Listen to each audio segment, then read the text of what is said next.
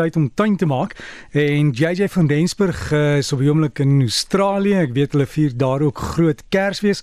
En JJ, goeiemôre. Dankie vir jou video wat jy vir ons gestuur het met die Kersboodskap. Ek het hier in Graskop uh, gou 'n pannekoekie en gesien dat die Kersfeesroos, wel hulle noem die Christmas roses, hulle almal blom.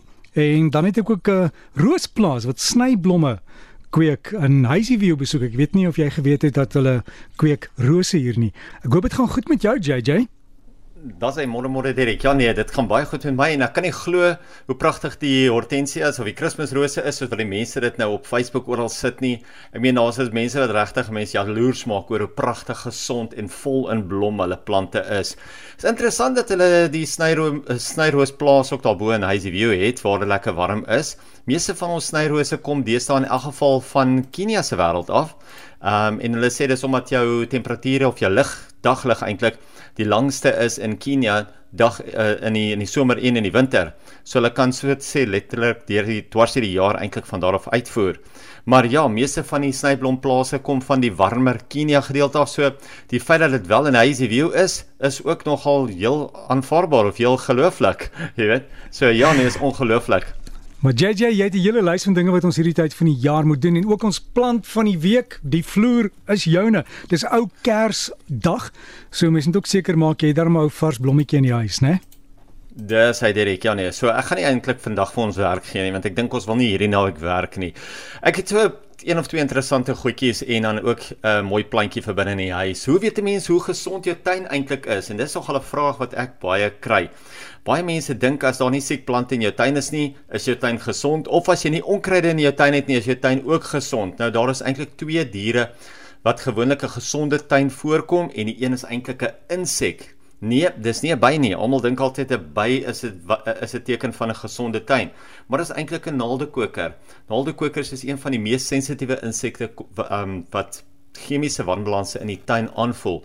So as jy enigins chemiese wanbalanse in jou tuin het, veral by jou by jou fontein of jou waterfokuspunt, as dit enigins besmet is of as jy te veel chemiese kunsmis of chemiese produkte in die tuin gebruik, sal jy nie sommer naaldekokers of die tweede ene natuurlik paddas in jou tuin kry nie. So, as jy weer 'n padda in jou tuin hoor kwak, moenie noodwendig dink dit is 'n slegte ding of moenie soos baie mense bang wees vir hom nie. Weet eerder dat jou tuin eintlik 'n baie gesonde tuin is en dat jy nie dit oordoen in jou tuin nie. So probeer altyd kyk of jy naaldekokers en paddas in jou tuin het, dan weet jy hoe gesond is jou tuin.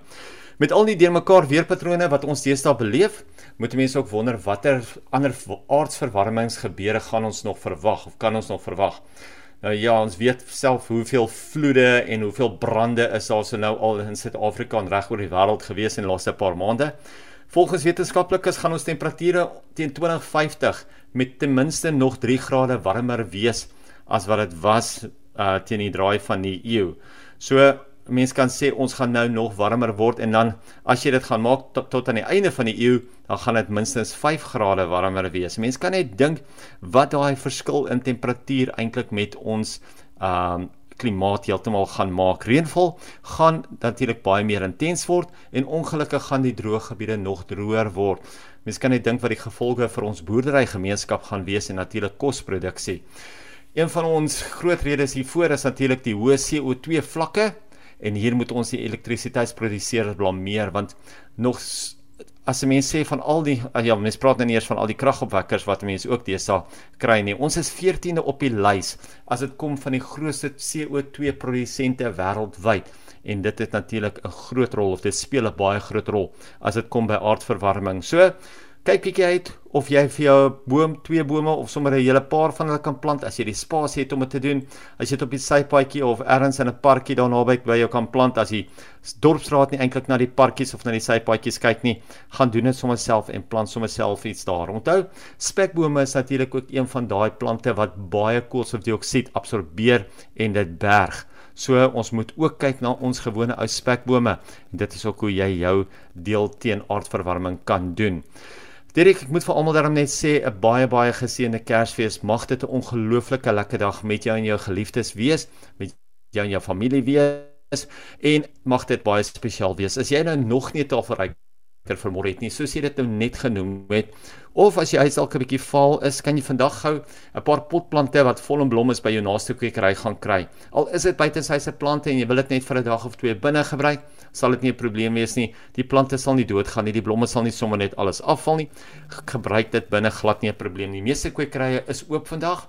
Maak net seker op hulle webblaaie en op die Facebook blaaie oor hoe laat hulle toemaak wat hulle sluitingstye gaan wees. Ek weet Garden World is ook oop vandag tot en met so 2 uur se kant.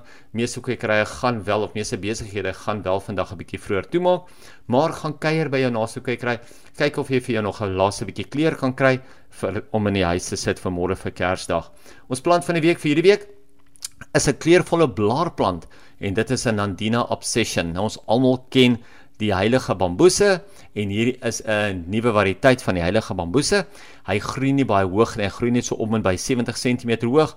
Hy's ongelooflik gehard en hy's ook lekker kompak. Die een pragtige rooi blaartjies wat hy het of die een het natuurlik pragtige rooi blaartjies deur die jaar, maar in die winter is hierdie blare bloedrooi. Hy maak pragtige wit blommetjies ook en is een van daai plante wat as 'n mens 'n natuurlike heining in jou tuin wil hê wat nie gesnoei hoef te word nie, dan kan 'n mens hierdie Nandina Obsession plant. So gaan kyk bietjie by die kwekery, vra bietjie sommer vir hulle, hoe lyk hierdie Nandina Obsession en kyk of jy plek vir hom sommer in jou eie tuin het. JJ baie dankie en die Nandina, hulle kan koue vat, né? Nee?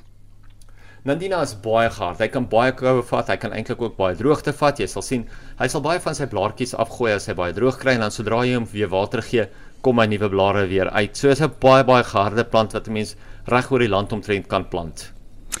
Dankie JJ en dit dan JJ van Rensburg ook betrokke by Garden World met ons tuinpraatjie. En dan kan jy heerlik tuin maak en jy kan ook JJ se Kersboodskap op die Breakfast Facebook bladsy gaan kyk.